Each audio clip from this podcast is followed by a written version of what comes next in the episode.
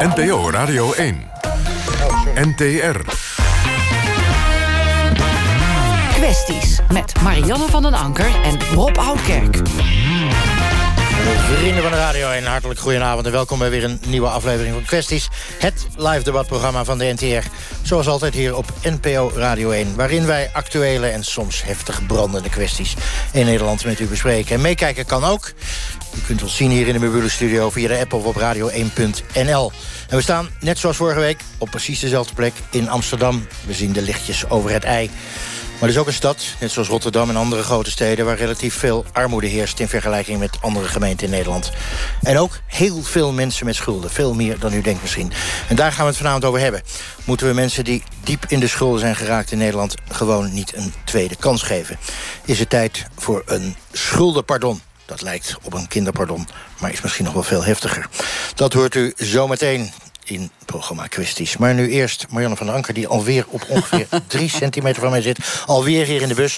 En vanavond gaat het over... Het, vroeger was het baas in eigen buik... maar nu is het recht op eigen voorhuid. Ja, dat klopt. En om meteen maar... Uh, ik kom straks natuurlijk nog even bij je terug op... maar jij bent toch ook Jood en besneden? Ja. Ja. Nou, dat hebben we dan meteen gehad. Hebben we meteen ja. gehad. En wil je er nog meer welke, over weten? Ja, op welke leeftijd gebeurde dat? Toen ik uh, acht dagen was. Oké, okay, volledig volgens ritueel. Nou, dat mag ik hopen. Ik, je bent er niet echt bij als je acht dagen uh, oud bent. Maar ik neem aan van wel. Ik ga straks uh, nog even aan jou vragen hoe je er ook als arts tegenaan kijkt. Want dat was je natuurlijk hier vroeger ook in, uh, in Amsterdam. Wij gaan een pittig debat voeren over besnijdenis, recht op eigen voorhuid. Mogen ouders wel zo'n ingrijpende, misschien toch wel zeer persoonlijke beslissing nemen voor een kind? Islamitische en Joodse jongetjes worden op jonge leeftijd besneden. Veelal vanuit religieuze of culturele overtuiging. Maar ook blonde jongetjes worden besneden in Nederland hoor. Dat is echt serieus iets wat ook de laatste tijd vaak gebeurt. Toch is de vraag of je zo'n beslissing voor een ander mag nemen. Heeft iedereen in het land recht op zelfbeschikking over het eigen lichaam? Over deze principe kwestie wil ik het hebben... samen met journalist Haroun Ali, opiniemaker Paul van der Bas... en ook opiniemaker Yishim Chandan. Jij schreef, uh, Yishim, een uh, opiniestuk. Jouw baby was vijf weken oud, jullie waren in Turkije... en je vader die belde op. Kom pas terug wanneer die besneden is, zei hij. En toen? En toen keek ik naar hem toen dacht ik, I don't think so. Toch. En uh, bizarre was ik vroeger, dacht ik, als ik ooit een zoon krijg, dan ga ik hem zeker laten besnijden. En toen hij daar zo lag, dacht ik, stel dat het misgaat. Stel, stel, stel. En angst. Ik, ik werd gewoon eigenlijk overvallen door angst. En dacht, nee, volgens mij moet ik even meer research doen. En ja, zodoende uh, ben ik nu... Hij is nu zeven jaar, dat ik denk van... hé, hey, ik heb het nu met hem over. En, uh, en ik wil met hem samen beslissen om het wel of niet te doen. Maar in principe, Rob zei het al, is het gebruikelijk om het in een hele uh, jonge fase van het kinderleven, het jongenskinderleven al te doen, ergens uh, in, de, in de eerste paar maanden? Dat hoeft niet. Nee, in de Turkse cultuur is Want dat, dat hoe, hoe, hoe, wat is jouw research traject? Uh, wat heeft dat opgeleverd? Nou ja, ik heb ook horrorverhalen gehoord en dat heeft mij doen wachten. Dat ik dacht, oeh, ik vond nog wel ja, ik weet niet. Ik, door die horrorverhalen dacht ik van... Hmm, ik ga toch even meer wachten. En, kan je twee voorbeelden geven van die horrorverhalen? Nou, dat te veel besneden is, dat kindjes last hebben met plassen... en ja, dacht ik, ja, daar wil ik wel even meer research van doen. Ik, werd, ik, was gewoon bang, zeg maar. Ik was gewoon bang en ik dacht ook... Ik ben met hem, ging dus naar besnijdingsfeesten toe. En dacht, kijk, als, je, als ze doen, dan krijg je ook zo'n feest. Want dan doen ze zo'n carnavalspakje aan. En, uh, en toen zei hij, nou, hmm, ik weet niet of ik het nog wil... Maar nu, ja, nu is hij toch... Want, uh, Hoe oud is hij nu? Hij is zeven, maar het is niet in Turkije zelf worden kinderen ook, baby's ook uh, besneden als ze echt baby zijn. Maar hier in Nederland ben ik wel vaak naar besnijdingsfeesten gegaan... voor jongens van 5, 6, 7, 8. Ja. Is het een taboe onderwerp? Mega taboe. Ik wist niet wat ik over me heen kreeg toen ik dat artikel schreef. Het is een beetje, ik, vind, ik vergelijk het met een beetje zwarte pieten discussie. En uh, grappige was dat alle Nederlandse uh, mannen die zeiden... wauw, goed zo. En uh, die waren wel blij dat ik dat had geschreven. En eigenlijk kreeg ik ook verhalen gemaild van... Uh, vrouwen die een trauma hadden beleefd door een kind. Dat had ik ook nog nooit gehoord. Dat ze zeiden van als ik het opnieuw zou doen... zou ik het misschien toch niet doen. Mm -hmm. Um, En, dat, dat, dat, en vanuit de Turkse islamitische gemeenschap... hoe waren de reacties daar op jouw stuk? Dat je zei eigen voorhuid nou zelf ja, beslissen? Niet, vooral niet islamitisch, maar vooral cultureel. Om me heen direct. We zeiden van, nou, moest dat nou? Moest je er nou over schrijven? Ik zei, waarom kan ik er niet over schrijven? Dus... ehm, ja, ik kreeg er wel, wel echt pittige discussies door. En maar ook uh, over social media. Je moet het hebben over je eigen voorhuid. Toen zei ik, nou, ik zal je even seksuele voorlichting geven. Vrouwen hebben geen voorhuid. En toen nou was ja, besnijdenis bij vrouwen is natuurlijk al uh, überhaupt verboden. En er wordt ook wel eens gezegd dat de clitoris natuurlijk een soort seksueel orgaan is van de vrouw. Maar dat is wat anders dan de voorhuid. Nee, want daar nee, komt natuurlijk het gevoel Want die mannen waren gewoon gefrustreerd. En ze waren gewoon letterlijk op een pik getrapt. En... ehm, Wat is jouw uh, ideale leeftijd? Je hebt natuurlijk in jouw opinieartikel gezegd... mijn zoon mag het zelf beslissen. Het is Ja. zijn voorhuid. Wat zeven jaar is hij nu. Wat is zijn ideale leeftijd voor jou... waarin hij er zelf een beslissing over mag nemen? nou, van de zomer. Oké, Ja. acht jaar. Dan is hij eh, zover. We hebben op straat eh, gevraagd of dat eh, wij als ouders... wel eigenlijk het recht hebben om voor een kind te kunnen bepalen... of ze wel of niet besneden worden. Luistert u ja, even mee. daar ben ik het mee eens en mee oneens. Ik, ben een beetje, ik zit een beetje in het midden. Ik ben zelf eh, besneden. Dus ja, die uit- be- beslissing hebben mijn ouders voor me gemaakt. Maar ja, het maakt eigenlijk niet zo heel veel uit. Dus het is de keuze van de ouders. Of de ouders laten het over aan het kind zelf. Ik eh, vind dat het helemaal de wereld uit moet. Die besnijdenissen, want waar slaat het op? Omdat het dit zo ingrijpend is eh, voor eh, babytjes, zou ik maar zeggen, dat je niet meer kunt zeggen van als je ouder bent mag je zelf de keuze maken. Snap je? Vind ik iets anders dan als je kinderen gelovig opvoedt. Daar kun je nog een keuze voor maken en die kun je laten veranderen. Maar dit kun je niet meer veranderen. Maar als er geen medische reden is, dan denk ik dat je... En het kan ook nog volgens mij als je volwassen bent. Dus dan, dan zou ik dat aan iemand zelf overlaten. Ja. ja, ik ben er überhaupt niet zo voor. Dus, eh, maar goed, in onze cultuur is het dus niet hè, gewend. En eh, ja, ik kan er misschien... Nee, het lijkt me toch niet helemaal... eh, nee, van deze tijd. Ja, ik zou dat eigenlijk niet weten. Het is... Besneden worden is echt zo'n ding van... Ik, ik heb er altijd een beetje zoiets van... als jij nooit hebt meegemaakt hoe het is om, wel om, om niet te besneden te zijn... dan mis je het ook niet. Ja, want ehm, nou ja, het kan ook voor medische redenen zijn. Bijvoorbeeld zitten strak of zo. Dus het kan zijn dat het een belangrijke reden heeft. Het kan ook zijn dat ze gewoon kiezen voor hygiënische redenen of eh, wat dan ook. Dus ik denk dat het aan de ouders over moet gelaten worden. Of als de ouders de keuze maken aan het kind zelf.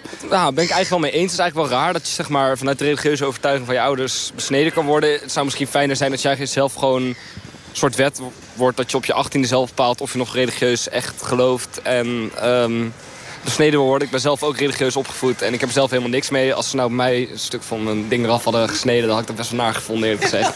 dus ja, ja, ben ik eens. Er wordt hier nog gelachen om de laatste opmerking over een stukje van dat ding afsnijden. Haroon Ali, jij bent ook besneden. En we hebben natuurlijk al honderd keer discussies gevoerd in Nederland over dit thema. En het gaat hier natuurlijk vandaag nadrukkelijk over. Hebben ouders moreel gezien het recht om dat te beslissen voor een kind op zo'n jonge leeftijd? Hoe kijk jij daar tegenaan, Haroon? Nou ja, ik vind niet. Eh, ik, eh, eh, ik, vind, ik ben het eigenlijk wel mee eens dat je dat aan het kind moet overlaten. En vanaf de leeftijd 18 dan... Als je dan inderdaad... Dus acht is wat, wat Ja, nu wil, is steeds te, jong. te jong. Dan kun je niet die beslissing maken, denk ik. Ik denk, ja, als je op je achttiende nog steeds overtuigd bent van het geloof waarmee je bent opgevoed. Nou, dan ben je denk ik ook wel bereid om dat ervoor over te hebben. Dat is dan de prijs die je moet betalen voor, je, Ja, voor, ja. voor de overtuiging die je hebt. Haroon, heb je dit met je ouders wel eens besproken? Van, joh, pap, mam, jullie hadden het eigenlijk niet moeten doen. Had het nou gewoon Nee, even niet, overgelaten aan mij tot ik 18 was? Nee, eh, nee, bij mij is het gebeurd echt een paar maanden na mijn geboorte. Ik ben islamitisch opgevoed. Eh, ik ben dat nu niet meer, dus ik ben er eigenlijk op latere leeftijd pas over nagedenken. En toen heb ik een stuk geschreven van mijn Nederlandse neef. Die is, eh, is uroloog en een van de grootste tegenstanders van besnijdenis in Nederland. En toen heb ik wat ik eigenlijk heb gedaan, omdat ik er zelf nieuwsgierig naar was, is dat ik ongeveer elk denkbaar argument voor Het is echt een aanrader. Vertel even iedereen waar het te lezen is. Je hebt alles Eh, ja. erbij gepakt. Ja. Seks, ja, een stuk of tien, eh, tien, eigenlijk tien horrorverhalen. aannames die worden gedaan over besnijdenis waarom het goed zou zijn. Eh, van, van, van hygiëne tot, nou het is traditie, tot het zit in ons geloof. Die kun je eigenlijk allemaal weerleggen. En, En volgens mij ook ten aanzien van seks en de seksuele ervaringen ja, die want je ik- hebt. kijk, ik ben, ik ben dus eigenlijk gebrainwashed met van oh, het is goed. Eh, eigenlijk toen, toen ik opgroeide dacht ik, nou ja, ik vind het inderdaad mooier. Ik, vind het, eh, ik heb het idee dat het schoner is. Ik vind het nog steeds esthetisch mooier. Eh, ik val ook op mannen, dus ik, ja, ik kan vergelijken, weet je. Dus, en, uh, dus, ja, dus, en dat zit er nog steeds wel een beetje in. Maar ja, door al die research te doen, heb ik wel zoiets van ja, als je me dit op latere leeftijd had gevraagd, had ik waarschijnlijk nee gezegd. Want het is inderdaad, het kan echt voor heel veel complicaties zorgen. Niet alleen tijdens de besnijdenis zelf, maar ook op latere leeftijd. Um, en inderdaad, ja, je, je, piemel wordt er gewoon ongevoeliger van. Dus ja, ik kan niet vergelijken hoe het met of zonder is. Maar het, het, het, het heeft wel impact op, je, op het functioneren van je geslachtsorgaan. Ja, Paul van der Bas, opiniemaker ook. Um, zitten we hier iets relevants te bespreken? Of zeg jij, jeetje jongens, waar gaat het over? Nou, ik vind het wel een relevante kwestie. Want ik merk dat steeds meer uh, er toch een soort, soort beweging is van mensen... die dit soort uh, religieuze vrijheden uh, willen beperken of af willen pakken. En ik denk dat het heel belangrijk is om dat, om dat niet te doen. Wat vind jij dan exact? Uh, nou, kijk, uh, ik vind dat ouders ten eerste het recht hebben om hun uh, zoon te laten besnijden. kijk, ouders hebben het recht om heel veel beslissingen te maken voor hun kinderen. je kunt zeggen, je moet dit en dat eten, en anders krijg je geen toetje. dat, als je dat bij volwassenen zou doen, dan zou dat natuurlijk volstrekt crimineel zijn. je kunt tegen een kind zeggen, je mag na zes uur niet meer buiten spelen. Als je dat bij volwassenen zou doen, dan, hè, dan is het wederrechtelijke vrijheidsberoving. Dus maar dit is wat anders dan een gaatje in je oor laten prikken, toch? Blijkt wel ook uit al het research wat uh, is, is ondernomen door haar. verminking. Het is niet iets wat je terug kan draaien of het is eigenlijk nergens anders mee te vergelijken. Nou, daar loopt die mening over IJsland uh, willen, wil ze eigenlijk verbieden. En uh, volgens mij hebben ze het niet doorheen gekregen. Maar ze waren wel bezig met een wet. Omdat ze zo erg vonden. Wilden ze gaan uh, schending van kinderrechten. Wilden ze het echt gaan verbieden. Wat ik wel bizar vind aan het hele onderwerp. Is dat het zo gevoelig ligt. Dat... Um, had ik me denk niet gerealiseerd zo. Ik werd best wel ook uh, natuurlijk bekritiseerd door de, de, de, de biculturele mannen zien. En uh, van heel erg beledigd. En denk van, waar komt het nou vandaan? Hoezo ben je zo ontzettend beledigd? En, toch zegt Paul van der Bas, uh, laat dit, het gebeurt 10.000 keer per jaar in Nederland. En soms ga je het op vakantie nog in Turkije of Marokko uh, laten doen. Dus het hele zicht op het aantal hebben we niet. Jij zegt, geef ouders wel de vrijheid. Ja, ik vind het heel belangrijk dat, dat ouders beslissingen voor hun kinderen mogen maken. Ik denk dat ouders het op allerlei gebieden doen. En ik snap dan niet waarom op het, geval, op het vlak van besnijdenis niet. Um, ik heb me ook ingelezen ja, sommige mensen zeggen het, is, het, is, uh, het kan complicaties opleveren. Anders die wij, andere wijze weer op de voordelen. Laat ergens in het midden houden. Volgens mij eh, besnijden is niet per se heel goed. Het is ook niet per se heel slecht. Uh, ik ben heel, zelf besneden om medische redenen. heb jij een religieuze achtergrond? Nee. Jij bent gewoon volledig neutraal ik, ik, heb een, ik ben uh, protestant-christelijk opgevoed. Oké, okay, Haroon. Nou, maar het blijft gewoon raar dat je als religieuze ouder zegt... oké, uh, wij geloven in een God, die heeft uh, ons gecreëerd naar zijn evenbeeld.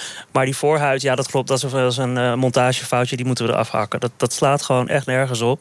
Um, en als je inderdaad daarin wil geloven, prima. Maar dan moet je het echt aan het kind laten. Dit, dit is echt nergens anders mee te vergelijken. Het is een, een onherstelbare lichamelijke verminking is gewoon wat ja. je eigenlijk doet. Dus de vrijheid krijg je, als we jouw lijn volgen, Paul van der Bas... om je kind te verminken. En dat vinden we dan allemaal goed als samenleving. Ja, ik vind het ten eerste geen verminking. Ik ben om eh, medische redenen besneden toen ik een jaar of drie was. Eh, nou, ik heb nou niet het idee dat ik met een verminkte penis rondloop.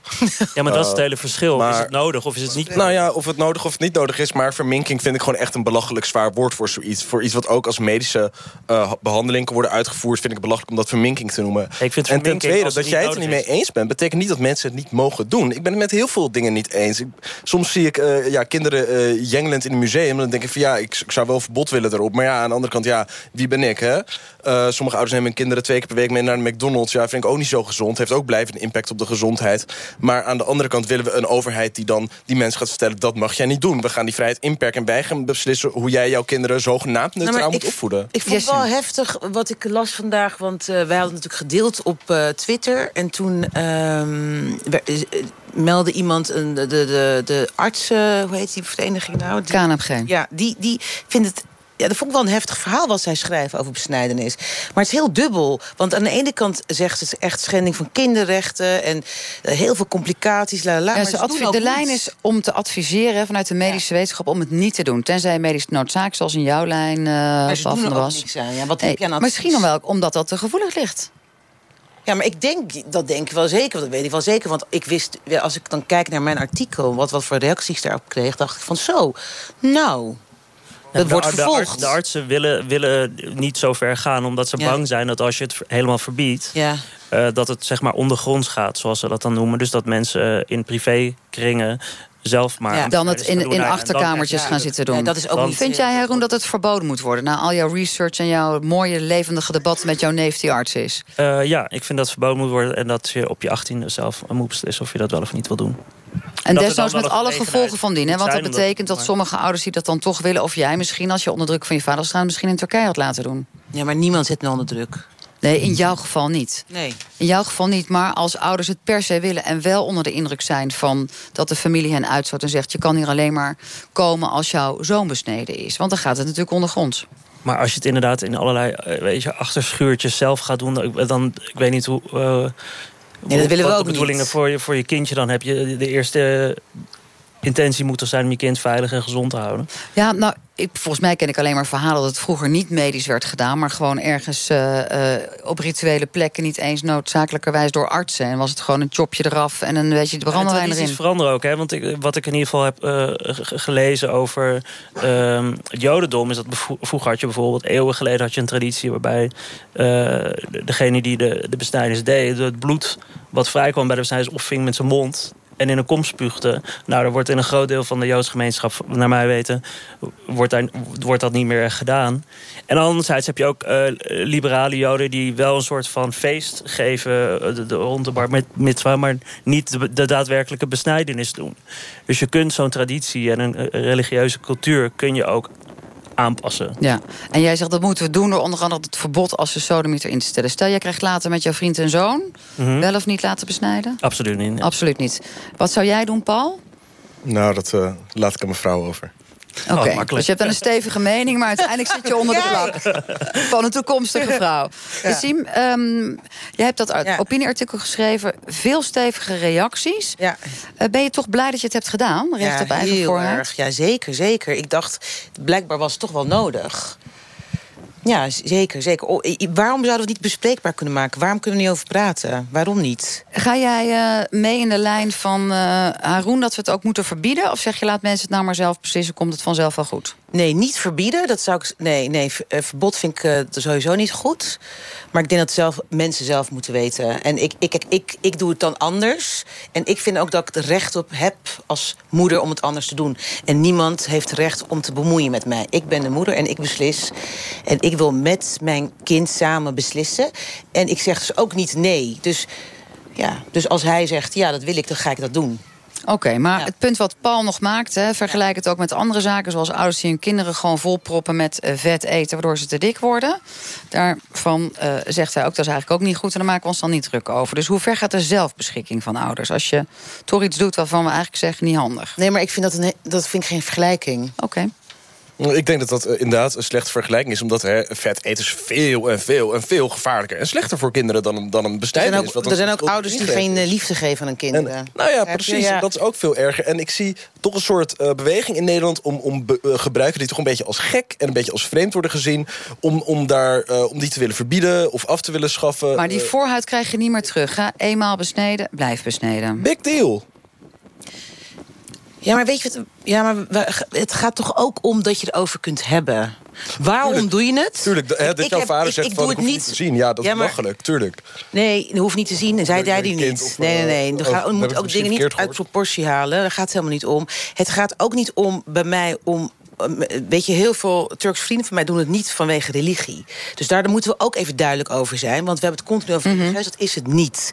Het is bij mij, in mijn, in mijn omgeving, gewoon puur cultureel. Punt. Dat moet ook even duidelijk zijn. Maar goed, dan blijven bij. Haroon zijn eh, meest stellige overtuiging. Jij zegt recht op je eigen vooruit. Heb het erover. Paul zegt, nou ja, het is er gewoon eigenlijk vrijheid van ouders zelf. En Haroon, jij zegt, we moeten het toch gaan verbieden. Ja. Want het is verminking. Je hebt het zelf meegemaakt. Kijk, als je het echt Hoe zelf voel wil jij je verminkt nu? Nou, ik, ehm, zo denk ik er ook weer niet over na. Maar ik denk als je me nu de keuze had weer kunnen geven... je krijgt je voorhuid terug, had ik denk ik misschien wel ja gezegd. Alleen al om te weten wat het verschil is. Maar ik denk gewoon, kijk... je kan een kind, uh, de ouders kunnen beslissen om een kind te besnijden. Of je kunt gewoon even een paar jaar wachten en het kind zelf laten beslissen. Uh, iedereen heeft daar dan altijd horrorscenario's over. Het doet ongelooflijk veel pijn. En je loopt uh, maandenlang met je piemel in een verband, zeg maar. Dat schijnt best wel mee te vallen. Hm. en, dan heet ook geen besnijders meer, maar circumcisie, hè? Zeggen Ja. dan die, Ja. allemaal hartstikke hip. Maar ja, dat denk ik toch, dan moet je ervoor Dat over hebben klinkt dan. toch wat zachter. Dan een besnijdenis, ja. Ja. Eh, Rob, jij hebt er naar zitten luisteren met jouw eigen besneden piemel op de acht jaar of ik- achtdaagse ik luister ook- leeftijd ik luister gedaan. ook wel- Ik luister ook wel met mijn oren, maar, maar ja, ja, die van mij kan ook luisteren. Ja. Hoe, hoe kijk jij daar ook met name vanuit het perspectief van jou als medicus tegenaan? Nou ja, ik ben, ik ben 30 jaar huisarts geweest in Amsterdam. En in Amsterdam eh, hebben heel veel mensen heel veel seks met elkaar. Is ook heel gezond, moeten ze doen. Eh, maar gewoon even iets medisch. Eh eh, 80% van de vrouwen wordt besmet met het zogenaamde humane papillomavirus. Dat is een virus wat eh, een van de veroorzakers is van baarmoederhalskanker... waar er 700 per jaar aan dood gaan. 700 vrouwen gaan daaraan dood. Wat er in ieder geval medisch bewezen is, is A... eh, dat mannen het niet zo nauw nemen met hygiëne van de wasbeurt van de onbesneden pik. Met andere woorden, dat smegma, want zo heet dat spul wat eronder zit... ehm, daar zit dat humane papillomavirus vaak in. En het enige wat we als medici weten is het volgende. Vrouwen die het alleen maar doen met besneden mannen... hebben significant minder kans op baarmoederhalskanker. dus emancipatoire gezien zou ik zeggen, besnijden. Maar dan nog even aan jou de hamvraag. Moet dat dan op eh, het leeftijd gebeuren dat je er zelf niet over gaat? Of op 18-jarige leeftijd? Of op het moment dat je zeg maar seksueel geslachtsrij bent en het gaat doen? Nou, daar vind ik wel wat voor te zeggen dat je eh, dat zelf eh, die zelf die beslissing kan maken. Maar aan de andere kant is het waar. Ik, ik heb ook meegedaan aan besnijdenissen. Niet aan rituelen, maar gewoon... eh, ik mocht eh, mensen die dat goed konden helpen eh, als arts. Ja, en 18, eh, 25 en 30-jarige mannen denken echt... hij gaat er helemaal af. En ik kan je vertellen, hij gaat er helemaal niet af. Hij blijft gewoon zitten. Dank Paul van der Bas, Haroun Ali en Yushem Chandan. Dankjewel. Oké, Marjan, dankjewel. Het is wel een heel ander onderwerp, want ik ga het hebben over eh, schulden. eh, voor, mensen, eh, voor mensen dus die al heel en diep en lang in de schulden zitten. Moeten zij niet een tweede kans krijgen? Want zoveel schulden hebben, dat zorgt voor nog meer problemen. Zeker ook voor de gezondheid van die mensen zelf. En het kost de staat ook nog eens een keer veel geld. Kortom, problemen zat. Ik wist het eigenlijk niet eh, tot ik deze uitzending voorbereidde... maar 1,4 miljoen huishoudens, volgens het ministerie van Sociale Zaken... in Nederland heeft schulden. 1,4 miljoen huishoudens, dat zijn dus meerdere mensen. En dat veroorzaakt problemen. Of problemen die opgeleverd worden. 200.000 mensen zijn bekend bij gemeenten en schuldhulporganisaties. Dus van 1,2 miljoen mensen weten we niet eens precies hoe het zit. Hoe kan dat? Wat is de rol van de overheid daarin? Ik sta, zoals gezegd, in Amsterdam. Ja, van oudsher, net zoals Rotterdam, een stad met heel veel mensen met schulden. En wij praten met de lokale politiek. Ehm, inmiddels hebben alle stoelen in deze mooie bus, eh, die zijn van persoon gewisseld. Maar we praten allereerst altijd met de mensen die het probleem eh, ervaren. Eh Roelof, zo heet je niet, hè? Roel. Roel, en zo heet je ook niet. Ongeveer. Ongeveer. Je wil niet met je echte naam eh, hier vanavond in de bus, hè? Wa- waarom is dat? Ehm, ik ben eh, toch wel wat eh, vooroordelen tegengekomen. En ik, ja, de- ik denk dat ik daar schade van zou kunnen ondervinden. Vooroordelen tegen het feit dat jij schulden hebt? Yes. En, en noem eens wat van die vooroordelen. Wat, wat, wat, wat zeggen mensen dan? Ja, eh, eh, niet zelfstandig, eh, eh, ehm, dat je gefaald hebt. dat soort dingen, dat kom je wel tegen. Een beetje een, iemand die er niet bij hoort, een outcast. Ja, een mislukkeling. Ja, dat... Mislukkeling zelfs. Hey, ehm, dat is eigenlijk geen voordeel, dat is meer een oordeel. Hè? Nou ja, oordeel. Ja, ja. Oké. Hey, mag ik vragen, eh, hoeveel schulden heb je? Ehm, rond de 250.000 euro. Dus dat is, dat is fors. Goedemorgen. Yes. Eh, hoe kom je eraan? Of hoe kom je eraf? Ga ik ook even vragen. Maar hoe kom je aan zoveel schulden? Nou ja, daaraf, daar, eh, daar ben ik nu druk mee bezig. Ja, dat snap ik. Hoe kom je eh, aan? Dat, dat duurt jaren eigenlijk. En het zoveel mogelijk ontkennen. En op een gegeven moment niet meer weten wat je ermee moet. En eh, enveloppen in een eh, verhuisdoos gooien. En eh, ehm, zo lang mogelijk het uitstellen voor- om er wat aan te gaan doen. Dat gaat eigenlijk vanzelf. Je komt in een soort vicieuze cirkel terecht. Ja, ja dat, gaat, dat gaat van een keer een, een factuurtje niet kunnen betalen. Hey, en, en als je nou solliciteert op een nieuwe baan... ehm, eh, de- moet je dan je schuld bekendmaken daar? Hoe, hoe werkt dat? Of kan je dat verzwijgen? Hoe werkt dat? Volgens mij moet je het officieel niet bekendmaken. ehm, maar werkgevers gaan er wel achter komen. Want er komen. Ehm, hoe heet het? eh, mensen langs en die eh, gaan beslag leggen op je loon. Eh, dus je werkgever gaat het sowieso weten. Oké, maar ik begreep van de redactie dat jij met je vorige werkgever daar allerlei moeilijkheden over gehad hebt. Of klopt dat niet? Nou, allerlei moeilijkheden. Ik ben er eerlijk over geweest eh, bij de sollicitatie. Ik heb daar twee jaar gewerkt. En mijn contract is nu niet verlengd. En dat, de woorden van mijn werkgever, dat is niet je werk eh, wat je geleverd hebt. Maar dat is eh, omdat ik eh, moe word van de ehm, eh, beslagen die gelegd worden. Ja, dus gewoon discriminatie vanwege het feit dat je schulden hebt. Nou ja, ik weet niet of het discriminatie is. Het is denk ik, zeker bij mijn oude werkgever, was het ook onwetendheid. Ehm, er kan maar één keer loonbeslag gelegd worden. Ehm, en dat weten heel veel werkgevers niet. Dus die schrikken als er dan nog een brief en nog een brief en nog een brief komt. Nou, met andere woorden, ze, ze worden ook op het verkeerde been gezet... gewoon omdat ze te weinig idee hebben van hoe dat precies gaat. Ja, dat denk ik wel. Oké. Eh, Bianca, Ja. fijn dat je er bent. Eh, hoe ben jij in eh, de schuld gekomen? ja, eigenlijk heel simpel. Ik had een bedrijf samen met mijn vader en zijn, eh, zijn ex-vriendin. En eh, op een gegeven moment moest dat bedrijf failliet verklaard worden. Want er was geen geld meer. Ehm, alleen dat werd een jaar lang getraineerd. Die, fa- het faillissement ging er niet doorheen. En eh, daarnaast was de grote aandeelhouder... die was er ook op tegen dat een faillissement uitgesproken En de zou worden. schulden liepen op. Nou ja, ik had gewoon een jaar geen inkomen. Dus ik had gewoon 30, 40.000 euro wat ik misliep. En dat kon ik niet even opvangen met het salaris van mijn partner. Hey, en, en dan heb je zo'n schuld, 30, 40.000 zeg je nu. Ho- Hoe leef je daarmee? Wat, hoe, hoe, doe je dat overdag? Je denkt natuurlijk ook, ik kan niet nog meer schuld maken. Of, of werkt dat niet zo? Nee, nou ja, op een gegeven moment eh, weet je het niet meer. En dan eh, gaat er ook wel eens een envelop eh, de kast in. Of, eh, want je weet gewoon niet hoe je het moet betalen. En dan wordt er weer beslag gelegd. En dan eh, kom je gewoon niet uit. Eigenlijk hetzelfde wat Roel net zei. Je, je komt in een soort vicieuze cirkel terecht... Ja. waardoor het steeds erger wordt. Wat, wat zijn nou je totale schulden op dit moment? Ja, zo'n 40.000 euro. Van 40.000 euro. Ehm, Stella, welkom. Volgens mij ben jij net uit de schulden, hè? Ja. Ja, sinds ehm 1 december 2017. Hoe heb je dat gedaan? Eh, drie jaar in de WSMP verkeerd. Leg eens uit wat het is aan de luisteraars het niet WSMP is weten. eigenlijk de schuldhulpverlening... waar ik... ehm, nou ja, mijn schulden zijn eigenlijk vrij ehm, gescholden. Ik had een eh, huis, een koophuis. En dat stond op beide namen van mijn ex-partner en van mij. En om niet meer hoofdelijk aansprakelijk te hoeven zijn voor het huis...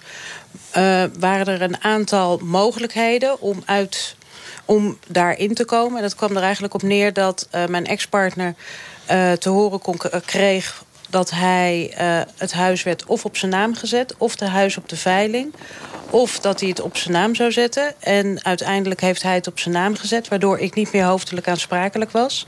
maar wel ehm, drie jaar in de schuldhulpsanering. En hoe is dat om in de schuldhulpsanering te zitten? Vreselijk. Waarom is het vreselijk? Omdat je voelt dat je gefaald hebt. Zo Eigenlijk wat Roel ook zei. Ja, je voelt dat je gefaald hebt. Je voelt dat je er niet meer bij hoort. Je voelt dat je klem zit. Je voelt dat je in een... Ik zit dan in de bijstand. Dus je voelt dat je in, echt vast zit in het net van het vangnet. Dus ehm, voordat je in die hele schuldhulpsanering in de WSMP terechtkomt... dan zit je eigenlijk ook dat je bezig bent met overleven, overleven... en kijken hoe kan je dit rechtbreien. Maar je krijgt het niet recht. En dan heb je te maken met ambtenaren, met andere mensen. En ga je dan ook met een knoop in je maag naar, ja, naar die ja, mensen toe? Alles, alles. Je komt gewoon naakt eigenlijk, sta je tegenover eh, de ambtenaren. Naakt. Zo voel voelt het. je, zo Hey, en en als, je nou, als je nou kijkt naar jezelf voor 1 december 2017 en daarna... eh, wat is dan het verschil tussen de Stella toen en de Stella nu? Nou ja, ik ben heel rijk. Ik ben rijk geworden op een hele andere manier. Dus niet in mijn portemonnee, maar wel op ehm, ja, emotioneel gezien ben ik gewoon heel rijk geworden. Ik begrijp dat je er een boek over aan het schrijven bent. Ja, ik ben ook een boek aan het schrijven. kan je ook rijk van worden, hè, trouwens. Dat, Bestseller. dat is niet mijn achterliggende gedachte. Mijn achterliggende gedachte is echt om mensen bewust te maken... dat het niet eigen schuld dikke bult is. Maar dat iedereen eigenlijk een tweede kans moet krijgen. En dat mensen die eh, op een hoger level zitten in, de, in, in, in, in een bedrijf... dat die het bewustzijn krijgen, wat jij, mijn buurman net ook zei... Van, dat je geholpen moet worden zodra de loonbeslaglegging wordt gelegd. Dat je de dan hup de alarmklop aangaat... en dat je geholpen wordt om uit die schulden te komen. Oké, kom ik straks bij je op terug. Bij mij in de bus niet alleen de betrokkenen... maar zoals elke week ook twee lokale en soms wel meerdere politici. Eén van de VVD en één van de lokale ChristenUnie. Eerst Claire Martens eh, van de lokale VVD. Heb je zelf ooit schulden gemaakt? Eh, ja. Veel? Groot? Nou, ik heb toch een aanzienlijk bedrag bij Duo openstaan. eh, ja. De duo, dat, is, dat, Ja. dat heeft met onderwijs te maken. Dat heeft moet je terug, terugbetalen. maken, ja. En nou begreep ik van de redactie dat, dat, dat, dat schulden in jouw directe omgeving... Misschien wel een soort trigger zijn geweest... voor jou om de politiek in te gaan. Klopt dat? Eh, ja, ik heb eh, in mijn hele naaste omgeving... denk vergelijkbare verhalen als, als mensen aan de overkant meegemaakt. Eh, inclusief een schulp, hulpverlening traject. Eh, en eh, dat is voor mij wel een reden geweest om actief te worden in de politiek. En via een zoektocht ben ik bij de VVD terechtgekomen. Want ik denk dat daar mensen die het wel proberen en wagen... en eigen ondernemingen starten, eh, het best af zijn. En ben jij nu voor al die Amsterdammers die in de schuldhulpverlening zitten... het baken waar ze naartoe moeten? Ja, dat zou mooi zijn, hè? Nee, dat denk ik niet. En die illusie heb ik ook niet. Maar ik ga wel mijn best doen. Dat is altijd mooi. Eh, Don Zeder, raadslid voor de ChristenUnie hier in Amsterdam. Eh, ook nog advocaat. Hè? Je, je helpt ook mensen eh, als advocaat, hè? mensen die in de schulden zitten. Je kijkt er weer ook van een andere kant naar. Ja, ja, klopt. Ik ben sinds maart nu ge, gemeenteraadslid, maar eh, daarvoor en eigenlijk nu nog um, steeds actief als, ad- als advocaat. En ik sta voornamelijk mensen bij die te maken hebben met schulden, problematische schulden. Um, en dan moet je, moet je denken aan de bijkomende kosten. Hey, wacht even, dat is dus prodeo, denk ik. Want ik neem niet aan dat ze jou betalen dan. Mensen met schulden die hebben normaal, eh, ja. precies, die komen naar de aanmerking voor prodeo. Sommigen ook niet, maar goed. Uh, het is ook wel een bewuste keuze hè, die ik gemaakt heb, omdat ik ook zie dat daar gewoon heel veel mis is. Um, als, als je kijkt naar in, in kasselkosten, maar deurwaarderskosten, woeker. Um, rentes. Er zijn gewoon heel veel mensen die daar ten onder, die daar ten onder gaan. Dus als advocaat pro, probeer ik daar ook vaak tussen bij te komen. Oké, nou vraag ik je even. Je bent gewoon advocaat, dus niet advocaat van de duivel. Maar de handvraag waar ik als luisteraar mee zou zitten is het... hoe zit het nou? Is het mensen hun eigen schuld, hè? eigen schuld, ik bult, Stella zei het al... dat ze in die schulden komen of, of gaat het buiten hun schuld om? Nou ja, ik, ik zal... Um, ik zeg vaak dat uh, iemand die een schuld maakt, die zal die in principe moeten terugbetalen. Hè? Een afspraak die is een afspraak. Dus dat vind ik ook. Wat je echter ziet, is dat schulden ook een industrie is geworden. Het is een verdienmodel geworden. Ja. En dan gaat het niet alleen maar. Um, een schuld, ja. uh, er wordt niet verdiend aan de hoofdsom vaak. Hè? Het is ook de rente, de incassokosten, de proceskosten die daarbij komen. Dus er is een hele verdienmodel ontstaan um, uh, op het op het oplussen van bepaalde schulden. Dus het is heel duur geworden om arm te zijn. Daarnaast zijn de meeste schulden, blijkt ook laatst uit onderzoek... dat is steeds minder aankopen of leningen. Dat zijn vaak ook vaste lasten die steeds meer stijgen... waardoor mensen op een gegeven moment gewoon onder water komen. Het is zes minuten over half negen. U luistert naar het programma Kwesties. Wij praten over schulden. Hoe je eraan komt, hoe je eraf komt... en wat je eventueel verder zou kunnen doen. Um, uh, uh, Roel, de, de, een enorme schuld uh, heb je. Is die niet zo hoog dat je denkt... alle mag, daar komen we de rest van mijn leven gewoon helemaal niet meer vanaf? Nou ja, dat heb ik een hele tijd wel gedacht. Uh, maar gelukkig is er uh, in Nederland een, uh, een manier om er wel vanaf te komen. En die is? Um, nou ja, schuldhulpverlening, uh, schuldsanering. Um, wat mijn buurvrouw net ook uh, zei. En gelukkig mee klaar is. Gefeliciteerd okay. trouwens. En die schuldsanering en die schuldhulpverlening die loopt via de gemeente, Claire. Um, je zei het net al, hè, je bent misschien wel de politiek ingegaan... vanwege uh, wat je zelf tegenkwam. Als het fout gaat, wordt er dus altijd naar de gemeente gekeken. Ja. Ja, en kan die gemeente het oplossen? Uh, tot op zekere hoogte. Er is natuurlijk voorstel gekomen vanuit GroenLinks om schulden over te kopen. Uh, daar ben ik zelf geen voorstander van. Maar ik denk dat we een hele grote fout maken. En dat is namelijk dat we bijna iedereen in de schulden op één hoop gooien. Ja. Er zijn vier verschillende categorieën. Dat zijn namelijk de ondernemers die het niet hebben gehaald. De werkende armen. De mensen die wellicht bewust of onbewust niet met geld kunnen omgaan. En de mensen die gewoon uh, familieomstandigheden hebben meegemaakt. En oh. al die vier groepen ja. uh, hebben een andere aanpak nodig. Jij onderscheidt eigenlijk vier categorieën, daar ja. komt het op neer. En je zegt, de ene uh, is de gemeente misschien wel verantwoordelijk voor... en die andere niet. Begrijp ik dat zo goed? Nou, de gemeente is sowieso nooit verantwoordelijk. Nooit de gemeente heeft wel een hele grote taak om te zorgen dat je deze mensen helpt. Maar de verantwoordelijkheid ligt bij de mensen met schulden. Don Zweder, klopt dat? Ja, als het gaat om schuldhulpverlening is de gemeente wel verantwoordelijk. Nou, natuurlijk niet voor de schulden die mensen maken. Maar uiteindelijk wel dat er een, dat er een schuldhulpverlening is die ook werkt. Um, en dat betekent dat de gemeente wel een taak heeft om uh, mensen... die om welke reden dan ook in de schulden zijn te komen... om die te begeleiden. En je ziet dat, dat je bijvoorbeeld een WSNP hebt, dus een schuldsanering. Alleen niet iedereen komt daarvoor in aanmerking. Nee. Je ziet ook dat ondernemers, ZZP'ers, als je CIB-boetes hebt... dan zie je dat het lastig is om de WSNP In te komen. Dus er zijn, dus er zijn ook bepaalde drempels die de overheid zelf, over, ehm, die zelf op, oplegt. Daarnaast moeten we niet vergeten dat de grootste schuldeiser van, van het land, dat is de overheid zelf. Ik wou net zeggen, ja, dus de overheid is de schuldige en moet het ook weer oplossen. Claire, dat, dat, daar, daar kan je geen spel tussen krijgen volgens mij. Nee, dat is ook helemaal waar. Maar er is natuurlijk ook nog een verschil wat de gemeente zou kunnen doen eh, en wat de landelijke overheid hier. Ja, maar goed, die wijzen altijd elkaar, zou met moeten elkaar. doen. Ja, maar wat ik doen kan, is Ja. in ieder geval ervoor pleiten, waarschijnlijk met Don, eh, om te zorgen dat eh, deze mensen geholpen worden op de juiste manier. Oké, we gaan eens, eens kijken of we tot een aantal oplossingen kunnen komen. Gevolgen zijn immers groot, heeft u allemaal gehoord. Eh, niet alleen in Amsterdam natuurlijk, maar ook in de rest van Nederland. Zorgt allemaal voor veel stress, slechtere gezondheid, kost geld.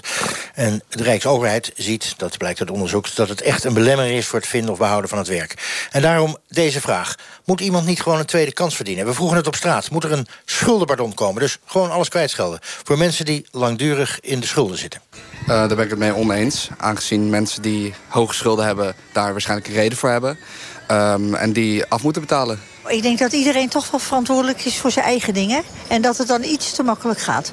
Nou, ik heb het zelf meegemaakt. Ik heb zelf in, eh, in de schuldhulp gezeten. Ja, als ik eh, geen steun had gehad, dan, eh, dan had ik een heel eind afgegleden. Dus... Als dat in combinatie gaat met een inspanning van de mensen zelf... ben ik het daar helemaal mee eens. En voor vluchtelingen ben ik het ook eens. Ehm, ja, daar ben ik het eigenlijk wel mee eens. Het is alleen wel... eh, dan zou ik er nog een extra sanctie aan zetten... dat ze dan ehm, wel binnen een bepaalde tijd moeten kunnen laten zien... dat ze niet eh, zeg maar nog een keer de schulden zichzelf de schulden inwerken. Dus eh, ik denk dat dat zo wel een redelijk compromis zou zijn. Ik weet het niet zo heel erg. Aan de ene kant denk ik van ja, het zou natuurlijk goed zijn voor de mensen om ze een nieuwe start te geven. Aan de andere kant denk ik van, nou ja, uiteindelijk betalen wij er dan weer voor. En ze zelf in schuld terechtkomen. Dus ik denk dat het dan handiger is om mensen... Om dan te investeren in een cursus waardoor mensen ook echt goed met geld om blijven gaan. Want ik denk dat mensen die in de schulden zijn geraakt en er zomaar vanaf komen... ook sneller weer in de schulden gaan raken. En ja, dat is dan mijn logica. Ik ben er sowieso heel erg mee eens. Omdat ik denk dat mensen die heel diep in de schulden zitten... en het gewoon niet kunnen betalen, alleen maar meer in de schulden raken. Dus er moet iets gebeuren. Er moet iets gebeuren. Eh, Stella, tijd voor een schuldenpardon? Ik denk het wel. Nou, ik denk dat er gewoon wat... eh, eh, ik, denk, ik denk het wel, ja. Je denkt het wel. Ehm Roel, schuldenpardon, is dat een oplossing? Ik zou het heel fijn vinden, maar ik, eh, ik weet het niet. Je weet het niet, je houdt het in het midden. Ehm, nou, Don. Nou ja, we hebben die natuurlijk al, hè? We hebben al een schuldsanering. Alleen Ja, een schuldsanering. We hebben het over een schuldenpardon. Dat is geen pardon. Ja, oké. Nou ja, ik denk dat eh, zo'n regeling die we hebben, dat die beter kan. Ja. Dat is een prachtige politieke opmerking, maar wat bedoel je daar precies mee? Hoe? Nou, onder voor, voor, ik denk onder voorwaarde dat we inderdaad schulden moeten kwijtschelden. Onder voorwaarden moeten we schulden kwijtschelden. En dan vraag ik het aan de VVD. Ehm, nee, daar ben ik het niet mee eens. Nee, ik ben absoluut. eh denk dat het belangrijk is om mensen een tweede kans te geven. En daar moeten wij als gemeente ook. Ja, maar hoe dan wel, als je het niet op die manier doet? Nou, dat is sowieso de schuldsanering toegankelijker maken voor mensen. Ik denk dat we daar al heel veel mensen mee kunnen helpen. Maar schulden afkopen, denk ik dat we daar op de lange termijn eh, niks mee oplossen. Aan de telefoon Arnoud Noordam. Hij is docent schuldensaneringsrecht. Dat zoveel mensen schuld hebben, ik zei het net al... dat kost onze hele gemeenschap ook geld. Eh Arnoud, goedenavond. Ja, goedenavond. Hey, hoe, hoe kunnen we hier dan geld op besparen? Nou, ik, ik denk dat eh, de schuldsanering zelf levert geld op. Omdat, eh, je, je noemde het zelf al in de uitzending... eh, en mensen gaan vaker naar de huisarts. eh, mensen worden uit hun huis gezet. eh, krijgen zelf geen werk meer, et cetera. Dus hoe, hoe eerder die schulden zijn opgelost... hoe beter dat is voor de, voor de maatschappij als geheel. Voor de schuldeisers ook, maar voor de schuldenaar in de eerste plaats. Ehm, en ja, we kunnen dus geld eh, besparen door effectievere schuldhulp in te zetten. Er wordt gesproken over de oorzaak van schulden en moet je dat mensen wel of niet verwijten. Ik ben zelf met name geïnteresseerd in de oplossing. hè, En, en dan met name de meest effectieve oplossing en de meest efficiënte oplossing. En ja, daar is denk ik nog een wereld te winnen. Oké, en win die wereld is voor ons vanavond op een zondag? Nou ja, er is, eh, het, het, woord, het woord gemeente is al heel vaak ge- gevallen. Hè. Dus de Rijksoverheid legt, heeft het primaat gelegd, legt de focus helemaal op de gemeente. Hadden ze dat niet moeten doen? Nou, eh, het is niet verkeerd, maar de gemeente heeft niet het, eh, niet het instrumentarium gekregen van de overheid. We hebben één heel goed instrument en de Stella, die was eerder een uitzending, die noemde dat de WSMP. En ik hoorde dat zij binnen drie jaar van de schulden af eh, is gekomen. En dat is ook het, het instrument wat ik uh, vurig aanhang en wil bepleiten. Omdat het zo heel effectief is. En het, het gekke is dat er steeds minder mensen in die WSMP komen, terwijl er steeds meer mensen met schulden zijn. Laten we dat hele effectieve instrument dus liggen. En dat is jammer. En dat komt omdat de, de, ja, alles uh, gericht is op die gemeente. En die hebben niet het, het juiste uh, schuldsaneringsinstrument. Oké, wat, wat wel bestaat. Dat is duidelijk, de maar stel, stel de regering vraagt advies aan jou. Wat adviseer je dan het kabinet om te doen? Nou, ik zou uh, uiteindelijk denk ik het beste is dat we één traject krijgen waar al die mensen, al die partijen samen gaan werken. Hè, dus uh, WSMP, bewindvoerders, gemeente en beschermingsbewind. Maar het, het, eerste wat ik zou doen is tegen gemeenten zeggen, goed, je hebt een heel netwerk, alle gemeenten moeten die, die schuldhulp aanbieden. Maar als het niet lukt binnen negen maanden, binnen zes of negen maanden, stap dan over naar de WSMP. Ga dan naar het wettelijke instrument wat heel goed werkt. Nu gaat er, dat is het grote probleem van mensen in schulden, het duurt te lang. Ja. De, de gemeenten hebben niet het goede instrument. Ze moeten allemaal zelf het wiel uitvinden, want we hebben bijna 400 gemeenten. Die moeten allemaal zelf denken, hoe gaan we die schuldhulp inrichten? Nou, sommige gemeenten doen het heel goed. Andere gemeenten worstelen daar heel erg mee. En ik zeg van, maak een algemene regel. Gemeente, doe het. Lukt het niet binnen negen maanden om met die schuldeisers en die schuldenaars tot een oplossing te komen? Nou, goed, stoot dan door naar die WSMP. En daar zien we dat 90% is heel veel. 90% van de mensen in de WSMP is binnen drie jaar eraf. Okay. Dat is echt een heel mooi resultaat. Duidelijk, dankjewel uh, Arnold Noordam. Prettige ja, zondag nog. Uh, Bianca, okay. uh, je, je, woont hier in Amsterdam. Ja. Je hebt zo'n 40.000 euro schuld, zei je. Hoe gaat de gemeente nou met, met jou om? Um, Die wijzen mij steeds af. Ze wijzen je steeds af? Ja. Daar is uit? Nou ja, uh, we hebben een uh, hypotheek met een uh, spaargedeelte. Wat al jaren niet meer betaald wordt. Maar daardoor hebben we een eigen vermogen. En dat, dan kom je niet in aanmerking voor de schuldhulpverlening. Word je gewoon weer teruggestuurd? Word je gewoon weer teruggestuurd. Daar nou, zijn we al zeven jaar mee bezig. Zeven jaar? Zeven jaar. En je hebt een klacht ingediend daarover bij de ja. ombudsman. En? Ja. Wat zei die? Nou, die zijn nu bezig om maatwerk voor ons in te schakelen. verder zijn we bezig met Budgetcafé in Zuidoost. Die moeten nu onze ogen en oren worden. Dus ik hoop dat er... Uh, er is een nieuwe aanmelding gedaan bij, bij uh, schuldhulpverlening. En uh, daar staan weer nieuwe afspraken. Dus we hopen dat we toch nu wel weer in aanmerking komen. Stella, die bureaucratie... Ja, de bureaucratie, die, die nek je gewoon enorm. Omdat dat gewoon... Dat is gewoon een dagtaak wat je, waar je mee bezig bent... om alles uit te zoeken. Dus ik denk dat het gelijk... vanaf het moment dat je je meldt bij de gemeente... of het nou is voor een uitkering of voor schuldhulp... moet er gelijk... Nou, vooral als je een uitkering moet aan... moet er een rode lamp gaan branden en moet gelijk... En die gaat niet branden? En die gaat niet branden. Maar die, je loopt van loket naar loket. Maar waarom gaat hij niet branden? Want die mensen zien toch ook wel dat er een probleem is? Ja, ik, ik, ik ben geen ambtenaar, dus ik weet niet waarom. Ik denk dat het onwetendheid is. En ik denk ook dat men uh, daar gewoon niet mee bezig is. Men is bezig om iemand terug te brengen in het arbeidsproces... in de plaats om te kijken van of iemand van zijn schulden af kan komen. Uh, Don Ceder, even toch he, bureaucratie en uh, ik word teruggestuurd. Ja. Wat valt er nou aan te doen?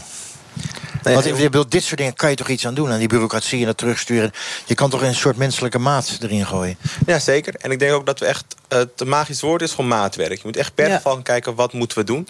Er worden bepaalde mensen uit, uitgesloten... omdat ze een hypotheek hebben. Dus ze hebben een fictief ver, vermogen. He. Dus de gemeente zegt, nou, maak dat maar eerst op. Maar een huis kan je niet opmaken. Nee. Dus je kan hem wel in de verkoop zetten... maar ja, waar, waar, waar, waar ga je dan nu in Amsterdam uh, wonen? Dus... dus je moet, je moet maatwerk leveren. Daarnaast denk ik dat je ook preventief moet gaan kijken. Hè? Zorg dat de, wees er snel bij voordat de schulden oplopen. Ik bedoel, voorkomen is beter dan, beter dan genezen. Daar praten ja. we zo direct over.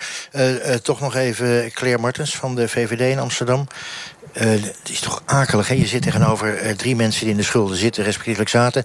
Die toch allemaal zeggen, bureaucratie, het is geen lammelendigheid, het is meer onwetendheid. Daar moet je toch iets aan kunnen doen als gemeente? Aan Ik dat denk delen. dat we er uh, absoluut aan iets aan kunnen doen. Maar wat je nu dus ook hoort, is dat we eigenlijk iets heel erg een heel groot stuk missen. En dat als je bedenkt dat de mensen die uiteindelijk in de schuldhulpverlening terechtkomen, vaak al niet de mensen zijn met de schulden bij de weekamp en dergelijke. Dat zijn echt de werkende armen, uh, de ZZP'ers. Die zijn wat moeilijker te bereiken. En dit bevestigt alleen maar meer dat we als gemeente echt moeten zorgen dat we deze groep sneller bereiken en maatwerk gaan leveren. Maatwerk gaan leveren. Maar dat hoor ik altijd, politici zeggen. En dat- wat is dat maatwerk dan? Dat er wel individueel gekeken wordt... en dat iemand als Bianca of Stella niet van het kastje... naar de welbekende muur wordt gestuurd? Ja, klopt. En als je bijvoorbeeld in de schuldhulpverlening komt... dat er één rechter is die overal uitspraken over doen... dat als je bij de gemeente aanklopt... dat er één ambtenaar is waar je terecht kunt. Ja, nu zijn dat te veel verschillende organisaties en instanties. En ik denk dat we dat echt beter kunnen doen. Ja, ik heb eh, bijvoorbeeld ook twee verschillende eh, instanties gezien. Omdat ik eh, binnen Amsterdam verhuisde, moest ik naar een nieuwe instantie opnieuw beginnen. Ja. En dat, dat werkt gewoon niet. Daar word je er horendol van. Dat klopt. En toen? Wat heb je gedaan? Met alle Nou ja, papieren? ik, ben, ik ben met alle papieren weer naar de volgende gegaan. Ja. En, Steen door eruit? Nou ja, dat, dat, dat, dat wil je misschien wel, maar dat, eh, dat doen we maar niet. Met die papieren eraan bedoel ik, hè? Zodat ja, het op in- precies. Nee, maar dat, eh, dat doen we maar niet. Maar dat, dat is heel frustrerend, want dan ben je eindelijk op gang. Ben, ben je eindelijk over je eh, trots en angst en schaamte heen... om naar zo'n eh, instantie toe te gaan. En dan moet je verhuizen, omdat je huisbaas vindt dat dat moet. Ehm, en eh, dan moet je dus weer veranderen. Weer iemand het allemaal uitleggen. Eh, weer die hele molen in van inloopspreekuren en dat soort dingen. Want overgeven van je dossier, dat gaat niet. Want die instanties praten niet met elkaar. Maar wacht even, dat is toch achterlijk? Ja, dat is zeker achterlijk. Nou zit je tegenover twee gemeenteraadsleden. Eh, Don is toch achterlijk? Dat dit Ja. is een klein stadje, man. 800.000 inwoners. Ja, zeker. Maar Amsterdam doet het nog re- relatief goed, hè? Nou, fijn. Nee, ja, in het land der blinden is één eh, Nee, maar meer om aan te geven dat we echt met een groot probleem zitten. Eén op de vijf huishoudens in Nederland die heeft problematische schulden. Dit is echt, dit is echt een van de grootste problemen die we... Die we Ja, maar daarom, maar daarom. En, en, en dan moet iemand eh, als rol die, die, die, hè, die zich zo schaamt dat hij zegt... Nou, en, daar zoveel taboe eigenlijk omheen zit... dat hij niet eens met zijn eigen naam hier in de bus kan zitten... terwijl je zegt, het is een van de grootste problemen in Nederland. Daar zouden we open over moeten zijn, zoals Klaus over zijn depressie was, et cetera. Kan dus blijkbaar niet. En dan hebben we in Amsterdam dat je naar twee verschillende instanties moet... of eigenlijk dezelfde instanties, maar dat je alles weer opnieuw moet doen. Daar moet je als gemeenteraad toch morgenochtend iets aan doen. Ja, het, eh mee eens. Ik ben ook de afgelopen maanden ook echt bezig. We hebben samen ook met Claire iets, ingediend, iets ingediend om, eh, om, eh, om, om voor te zorgen dat huiseigenaren ook eerder benaderd Claire van de VVD, ja. Eh, dus we zijn er druk mee eh, bezig. Ehm, ik denk dat we, dat moet zitten op preventie. Ik denk dat we moeten zitten op het toegankelijker maken en laagdrempeliger. En financiële educatie. Ga Ja. echt ook zitten dat mensen van tevoren weten. Je maakt het bruggetje heel mooi, dat ik ook al wil maken... namelijk voorkomen is beter dan genezen. Ja. Laten we het hebben over voorkomen. Wij proberen bij kwesties toch ook altijd niet naar het verleden te kijken... naar het heden, maar met name naar de toekomst. Kan je schulden überhaupt makkelijk voorkomen? Moeten bijvoorbeeld dure abonnementen, creditcards... en het kopen op afbetaling niet veel moeilijker worden? Dit waren de reacties op straat. Ja, als je al een hi- historie hebt met schulden... dan denk ik dat het wel, eh, dat het wel een handige, handige sanctie zou zijn, denk ik. Omdat je, ja, omdat je dan inderdaad gewoon eh, jezelf kan weerhouden... ervan om eh, jezelf alleen nog maar dieper de schulden in te werken. Ik werk heel veel met en voor jongeren. En die komen vaak in de schulden omdat ze niet weten wat de consequenties zijn van wat ze doen. En dat, dat vind ik heel erg. Ja, prima. Ja, ja. ja, het wordt te makkelijk gemaakt, denk ik wel. Heel veel mensen zijn er niet tegen bestand. Daar ben ik het mee eens. Eh, veel mensen die dat doen hebben wel geld. Maar er zijn ook een aantal mensen, een bepaalde groep van mensen die dat niet hebben. Ehm, dus ik denk dat het eh, moeilijker moet worden. Dus meer ja, aanloop moet hebben om eh, dat aan te vragen. Het is te makkelijk om abonnementen af te sluiten... en eh, dan kom je veel te makkelijk in de schulden. Ja, ik denk het wel. Ehm, het is natuurlijk wel, zeker mensen met een geschiedenis met schulden... is het heel handig om daar gewoon echt betere check op te houden. Maar ik denk aan de andere kant, het is wel je eigen keuze. Je wordt ervoor gewaarschuwd iedere keer. En ja, ik denk dat het ook wel eens... Ik weet niet of het nou echt heel moeilijk moet zijn om een duur abonnement te nemen of zo. Denk dat je zelf voor kiest. Het begint met een telefoon en dat eindigt met eh, de ziektekosten niet kunnen betalen. En vervolgens eh, eh, nou ja, het niet meer weten. En het dan niet meer doen. En dan loopt het op. En dan deurwaarders. En dan weten ze het helemaal niet meer. En dan komen ze bij de schuldhulpverlening bij ons. Hey Stella, je ziet op tv nu die, die, die eh, slogan geld lenen kost geld... Hè, voor eh, waarschuwing voor de BKR. Zou er, want je hoort nu die reacties... zou er niet gewoon een strengere wetgeving moeten komen? Ja, dat denk ik wel. Ik denk dat dat gewoon ook afgeschaft moet worden. Afgeschaft? Om, nou ja, afgeschaft moet worden qua reclame, wat er zoveel over gemaakt wordt. Omdat iedereen... Het is toch verleidelijk voor heel veel mensen, denk ik. Ja, natuurlijk. Dus ik denk dat, dat, dat daar niet het geld aan uitgegeven moet worden om een reclame voor te maken. Ik denk eerder dat er uh, op een andere manier uh, bewustwording bijgebracht moet worden hoe mensen wel om moeten gaan met geld. Ik denk als daar een reclamespot over komt, dat dat veel inspirerender is. Oké, okay, duidelijk. Andere manier om schulden te voorkomen. Uh, banken weten alles van ons, geloof ik. Heb ik wel eens begrepen als ik mijn bankenpartiërs indouw. die weten dus of je schulden hebt of misschien dreigt te krijgen. Dat je bijvoorbeeld ineens huur niet betaalt of ehm, veel dingen ja. je rekening afgaan. Claire van de VVD, moeten banken daarin een rol spelen? Nee, absoluut niet. Nee, ik denk dat je eigen bankrekening is toch wel het enige echte privé wat ik hoop. Dat I wish, I wish. Dat heb ik niet, maar voor mijn eigen idee zou ik het toch niet fijn vinden als mijn bank weet uh, waar ik mijn geld aan uitgeef. Uh, nee, wacht even, het is natuurlijk niet kwaadwillend bedoeld. Als jij inderdaad op een gegeven moment je huur niet meer kan betalen... of je gas en licht of wat dan ook... Ja. dat banken dan een seintje kunnen geven. Dit gaat mis. Nee, ik denk niet dat, dat, dat een bank daar de juiste instelling voor is. Zoals uh, uh, Don net inderdaad ook zei... we hebben samen uh, een voorstel ingediend... om de vroeger op af aanpak die we in Amsterdam hebben... breder te trekken. Dus dat niet alleen woningbouwcorporaties... maar ook particuliere verhuurders ergens aan de bel kunnen trekken... om te zorgen dat mensen die een hoge huurachterstand hebben... toch in zicht komen. Maar een bank is daar voor mij wel echt het laatste redmiddel voor. Gaat een bank ook te ver voor jou, Don Zeder? Ja, ik vind de bar ik vind de bank uh, lastig. Een logischere partner is bijvoorbeeld de woningcorporaties. Als jij als iemand een huur een maand of twee maanden niet betaalt... dan heb je eigenlijk al door dat er wat mis is. Dus, mensen, dus, dus bijvoorbeeld in Amsterdam gaan er nu ook mensen op, op, af. Die bellen dan, die vragen gaat het? Kunnen wij wat um, doen? Denk ook aan bijvoorbeeld scholen. Hè, leraren die zien als, al, als iets is met de kinderen. En banken die hebben natuurlijk al bijvoorbeeld een BKR-registratie. Okay. Dus op moment, Wat dat betreft zeg je, het gaat te ver. Ja. Nou hebben we het over banken. En we hadden het net over een schuldenpardon. Toen dacht ik, wij hebben een onvoorstelbaar bankenpardon gegeven. Wel die banken hun schulden kwijtgescholden hier in Nederland. Dat gaat om miljarden. Waarom dan een paar mensen met schuld niet? Verdomme. En wat zeg jij dan? U kijkt mij aan. Ja, ja niet omdat je bankdirecteur bent, maar wel van de politiek. Ja, ik heb net ook gezegd, ik denk dat als we naar schulden moeten kijken... we zeker moeten nadenken waar en hoe we kunnen kwijtschelden. Daarnaast moet ik wel zeggen dat volgens mij de bankcrisis... dat daar leningen zijn verstrekt en het niet per se helemaal... Oh, Oké, okay, nou heb ik er nog eentje voor je. De Grieken. Ja, maar ook dat is hetzelfde principe. Ik denk in sommige gevallen moet je soms geld laten gaan en kwijtschelden. Bianca, eh, hoe, hoe voelt het nou? De Grieken hebben we, we hebben niet alles kwijtgescholden... maar ik geloof dat we miljarden eraan gegeven hebben. En uh, hier uh, komen we niet tot schulden, pardon. Ja, nou, ik moet heel eerlijk zeggen, dat, dat, dat vergelijk, die vergelijking trek ik niet. Nee. En... Uh, um, Nee, ik vraag het je, omdat die vergelijking bij onze zoektocht deze week... toen we over dit onderwerp, de redactie over dit onderwerp... heel veel informeerden, dit echt naar voren kwam. De Grieken, de banken. Ja, maar dat kan je niet vergelijken. Ja, maar dat is, dat is, dat is, niet, dat is niet te vergelijken. Dat is, het is alleen frustrerend dat je gewoon niet aan de beurt komt.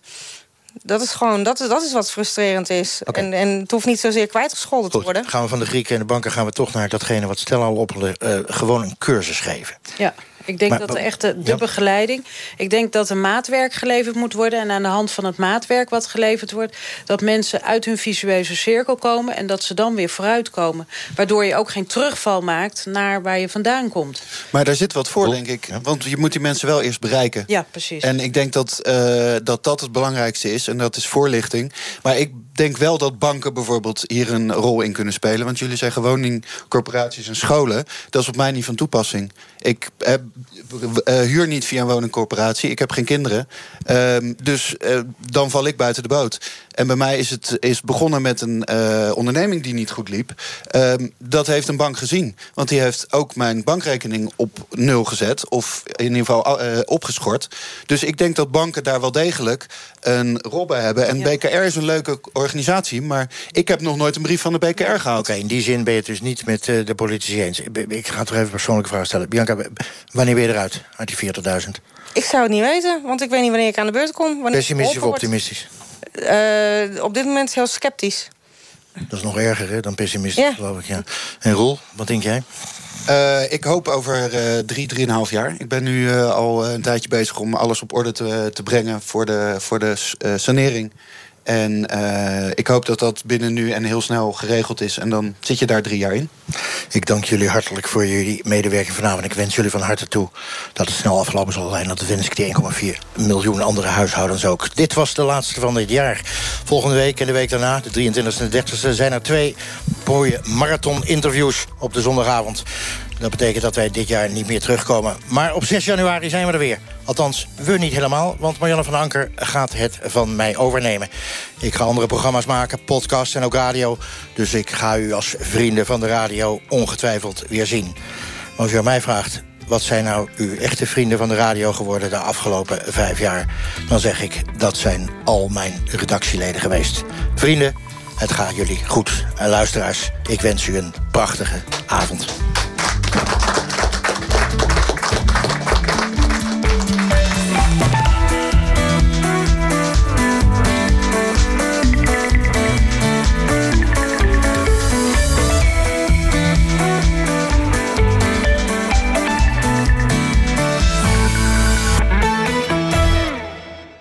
NTO Radio 1. Op oudejaarsavond ga ik in het Betty Asphalt Complex te Amsterdam een oudejaarsconferentie geven. Niet zomaar één, een radio oudejaarsconferentie. Aan de hand van radiofragmenten van dit jaar neem ik het door. En jij kunt daarbij zijn. Mail naar vincentbijlo.radio1.nl en dan zie ik je op oudejaarsavond. Op NPO Radio 1.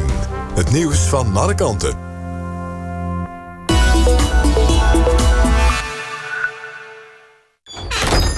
Kerstman, kan ik u helpen? Ja, die cadeaus voor mij. Ik heb er mijn buik van vol, zeg. Boeken, geurtjes. Ik wil dit jaar wat anders geven. Iets wat echt klinkt als een klok. Kijk eens, een DAB Plus digitale radio. Het cadeau voor onder de boom. Zo, ho, ho, wat mooi. Doe er maar 300.000. Kunt u ze inpakken? Heb de ballen om iets bijzonders te geven. Geef een nieuwe radio met DAB Plus, de digitale opvolger van FM.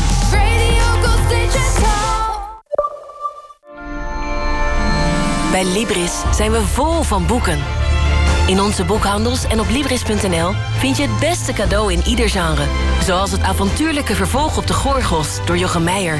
De Gorgels en het geheim van de Gletscher. Nu gratis thuisbezorgd. Ontdek het bij Libris en op Libris.nl.